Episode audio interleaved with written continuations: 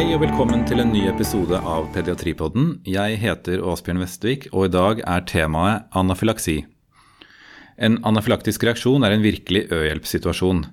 Hva kjennetegner anafylaktiske reaksjoner, og hvordan skal disse pasientene behandles og følges opp? Og I dag har vi gleden av å ha overlege Geir Haaland tilbake i studio. Velkommen, Geir. Takk for det. Forrige gang du var her, så snakket du om korrekt allergiutredning, og eh, repeterte da hva en allergi er. En anafylaktisk reaksjon er jo da en IGE-mediert allergisk reaksjon. Hva er det som skjer rent patofysiologisk ved en slik eh, reaksjon?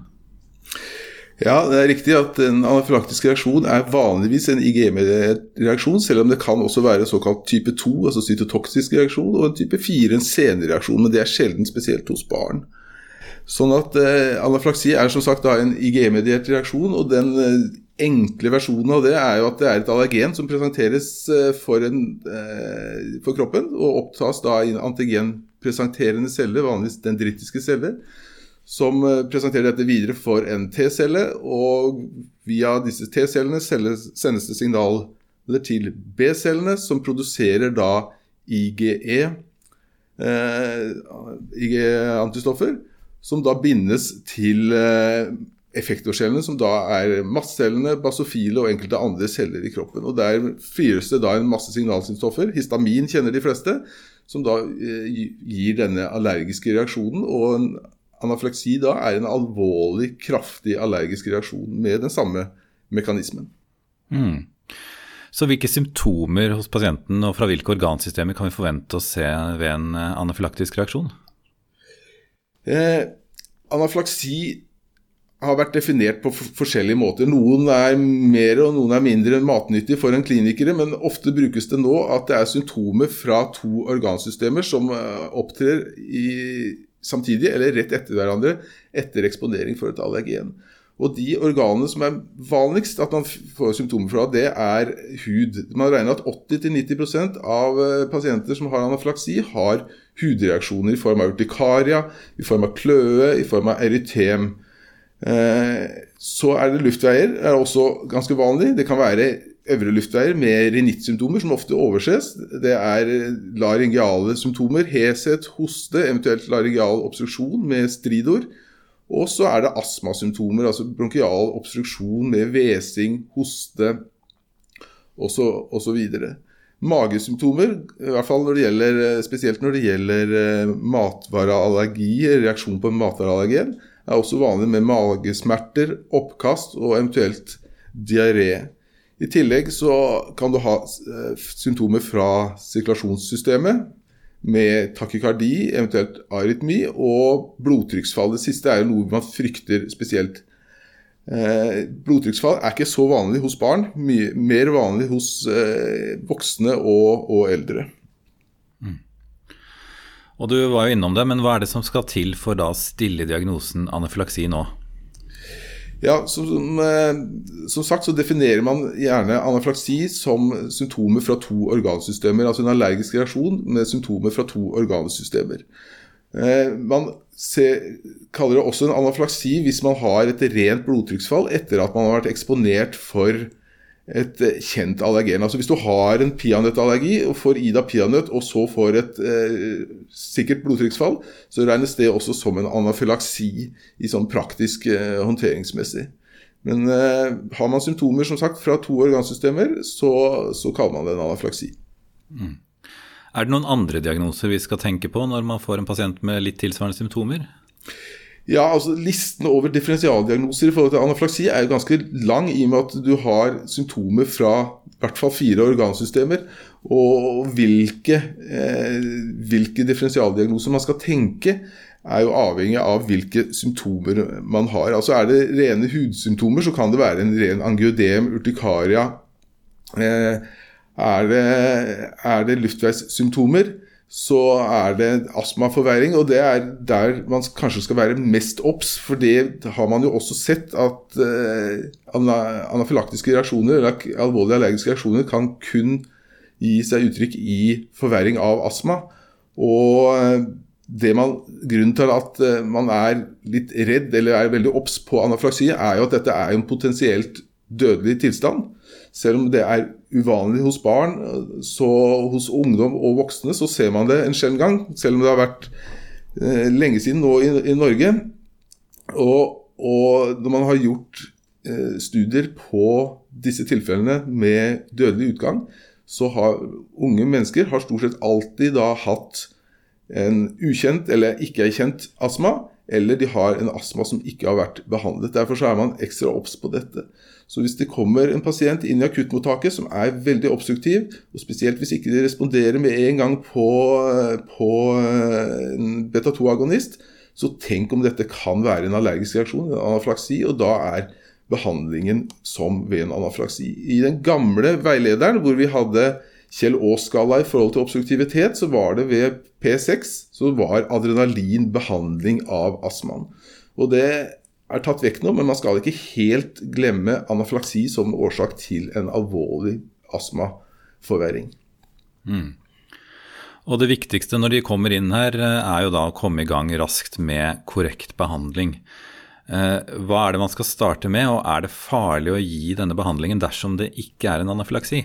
Nei, Mistenker man anaflaksi, så er det én ting man må huske på. Det er å gi adrenalin. Adrenalin intramuskulært før man gjør noe som helst annet. Det er det som er en livrennebehandling. Det er det som er, gir rask effekt av behandlingen.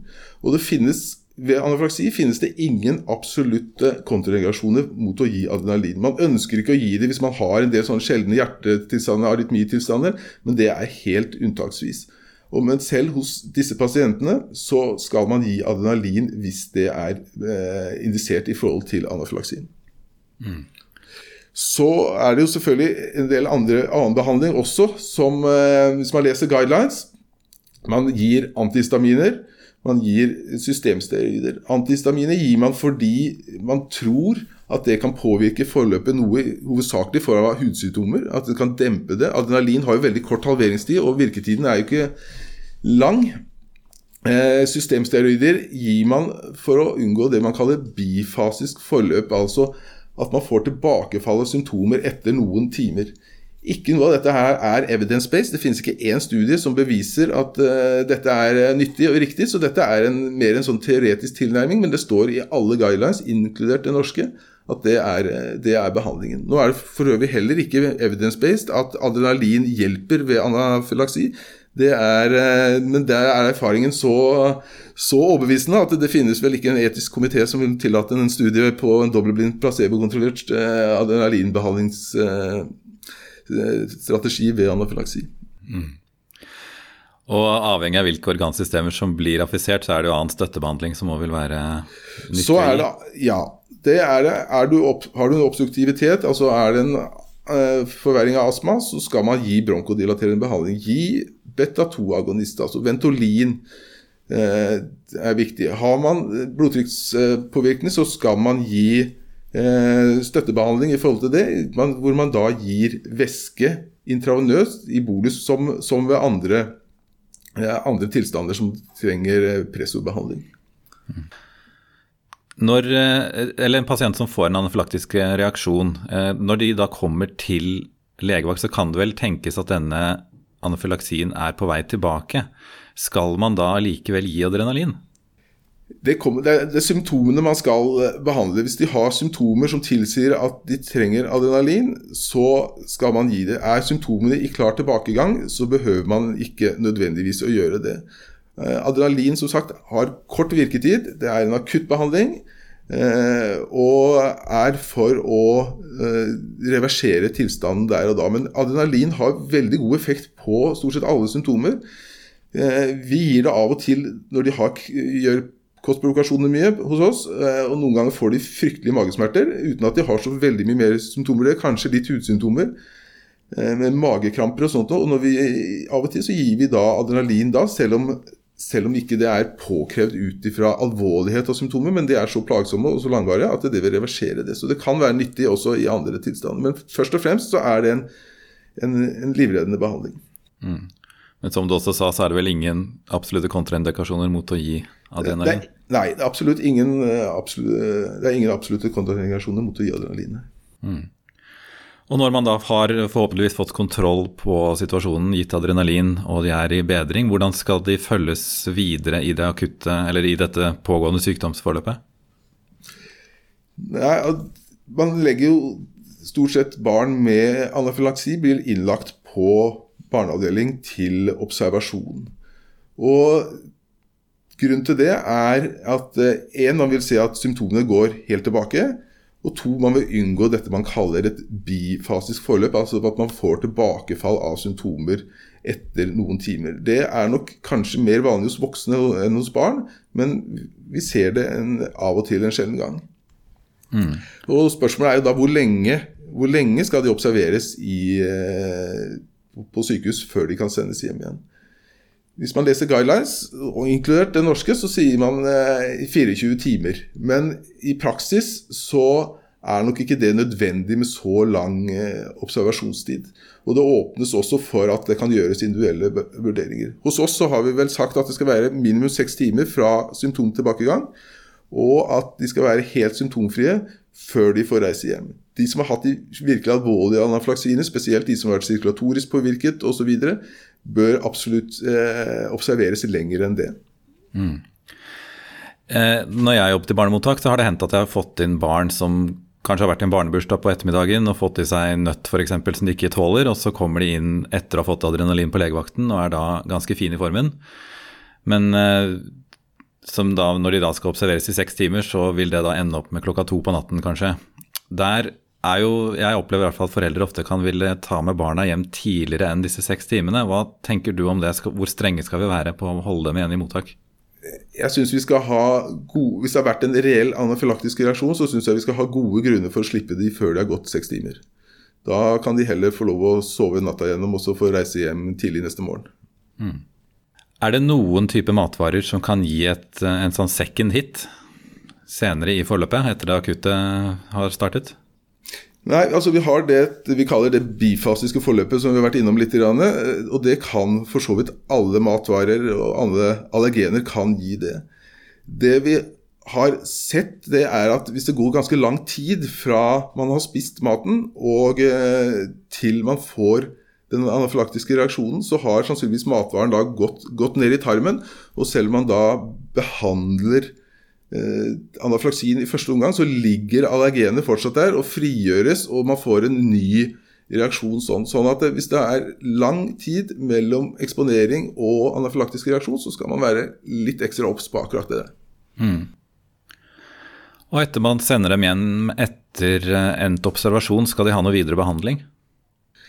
Ja, det som anbefales, er tre dager med systemsteroider og systemiske eh, antihistaminer. Det finnes heller ingen evidens for det, men det er en sånn pragmatisk tilnærming som man eh, bruker både i Norge og stort sett internasjonalt. Mm. Og så leste jeg også i veilederen at det står at det skal dokumenteres i kjernejournalen at de har hatt en anafylaktisk reaksjon. Det, er, eh, det, har ikke jeg vært så god på alltid. Nei, vi synder der, men det skal gjøres. Det er, eh, det er helt riktig. Mm. Og Hvordan er det med supplerende undersøkelser på disse pasientene? Skal vi ta noe av det når de kommer inn, eller holder det å gjøre en eh, klinisk vurdering og behandle det? Ja. Når en pasient som kommer inn og man mistenker anaflaksi, så er det først og fremst behandling. Det er det første man tar tak i, og får stabilisert dette her og får kontroll på dette. Så er det utredning som man kan gjøre der og da, som vil være nyttig. Man eh, måler gjerne tryptase, som er et protein som frigjøres fra mastcellene. Det er et protein som man ikke helt vet hvilken funksjon har i kroppen, men det, det frigjøres i ganske stor mengde fra matceller ved ja, anaflaksi. Men ikke alle anaflaksier, og spesielt ikke ved matvareallergi ser det ut som det er høye verdier av det nødvendigvis. Men man måler det for å eventuelt få bekreftet at dette var en anaflaksi. Og hvis det er for høye verdier, så skal det også måles en baseline-verdi seinere for å utelukke at pasienten har en, eh, en eh, tilstand med for, eh, kronisk forhøyet tryptase, mastocytose eller andre, andre tilstander. Så, I tillegg så kan det være nyttig å ta spesifikk IGE med en gang over potensielle allergener som er årsak til anaflaksin, hvis ikke man vet at pasienten har en nøtteallergi, har fått i seg denne nøtten det er allergisk mot, og dermed fått fått reaksjon, så, så er det ganske åpenbart hva eh, som har utløst reaksjon. Men hvis man ikke har 100 eh, sikkerhet på det, eller hvis dette er førstegangs eksponering for en matvare, så er det veldig nyttig å få tatt den blodprøva med en gang, så får, har man den, det svaret i løpet av et par dager. Mm. Hvordan skal vi følge disse pasientene etter de reiser hjem? Alle eh, barn, eller alle pasienter som har anaflaksi, må, eh, skal observeres som sagt i avdeling. Før de reiser hjem, så skal de ha fått informasjon om hvordan de skal forholde seg videre. Hvis man vet hva de har reagert på, så må de få informasjon om hvordan de skal unngå dette. Hvis det er melk de har reagert på, så må de få informasjon om hvordan de skal unngå melk, som er i fryktelig mye mat.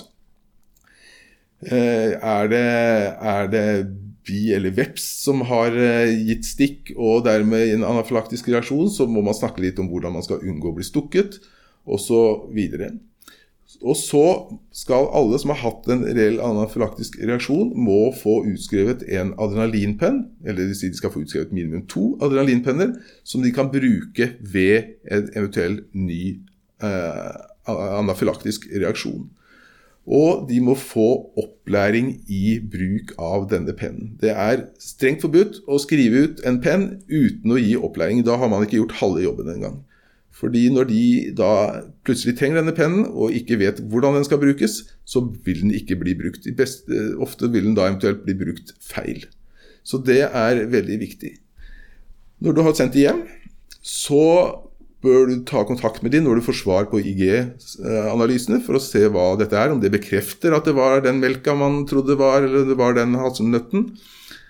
Og så skal de ha oppfølging på Eh, allergologisk poliklinikk for gjennomgang av dette, og eh, eventuelt da videre opplæring og avtale om videre kontroller. Mm. Vokser man av seg eh, allergier som kan gi en anaflaksi? Ja, det ser vi. Spesielt på allergier, anafylaktiske reaksjoner på basismatvarer, altså melk og egg og hvete og og soya og sånt, ser vi at man kan ha anafylaktiske reaksjoner i gjerne første, andre leveår. Og når de kommer opp i skolealder, så har de utviklet eh, toleranse. Så de, eh, de, er det god prognose på. For nøtter, frø, skalldyr og sånn, så er prognosen veldig dårlig. Vi vet at eh, desto alvorligere reaksjon du har, desto mindre sannsynlighet er det for at du eh, vokser av deg allergien eller utvikler toleranse. Mm. Og hvis man da skal forsøke å reintrodusere mat for å se om man tolererer det, det bør det gjøres eh, under kontrollerte forhold? Ja, det er jo grunnen til at disse pasientene må følges videre med eh, prikktest, spesifikk IG, grundig anamnese for eventuelle uhelseeksponeringer, for å finne ut når man skal se om eh, pasienten har utviklet toleranse. Og når man da skal teste ut denne matvaren, så skal det skje under kontrollerte forhold, som det heter. Altså, og, under, og, da vil si på, på sykehus. Mm. Går det an å si hvor lenge man skal vente fra man har hatt en anafylaktisk reaksjon, før man skal tørre å gjøre en eh, provokasjon? Nei, altså Man sier minimum ett år. Vi praktiserer minimum to år. Er, du skal ha god grunn til å gjøre en ny provokasjon før det har gått eh, to år. Det tar, det tar, tid å utvikle toleranse hvis du har en så alvorlig allergi. Tusen takk, Geir, for at du kunne komme og lære oss om anafylaksi. Til slutt så har vi forberedt en liten limerick som vi skulle vise deg, så den er, går som følger. Et barn ifra Toten spiste eggehvite og tålte ikke dette allergenet, men dere kommer dere i land, hilsen Geir Haaland, som nå oppsummerer på 1, 2, 3. jo, takk. ja, Hvis vi skal oppsummere dette, så er punkt én det er å tenke anaflaksi, spesielt hvis man har symptomer fra mer enn et organsystem, som, eh, og passe med det vi har snakket om.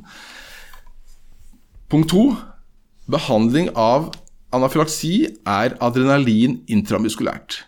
Punkt tre det er behandling av anafylaksi. Det er adrenalin intramuskulært. Og punkt fire og fem det er også behandling av Anafylaksi er adrenalin intramuskulært.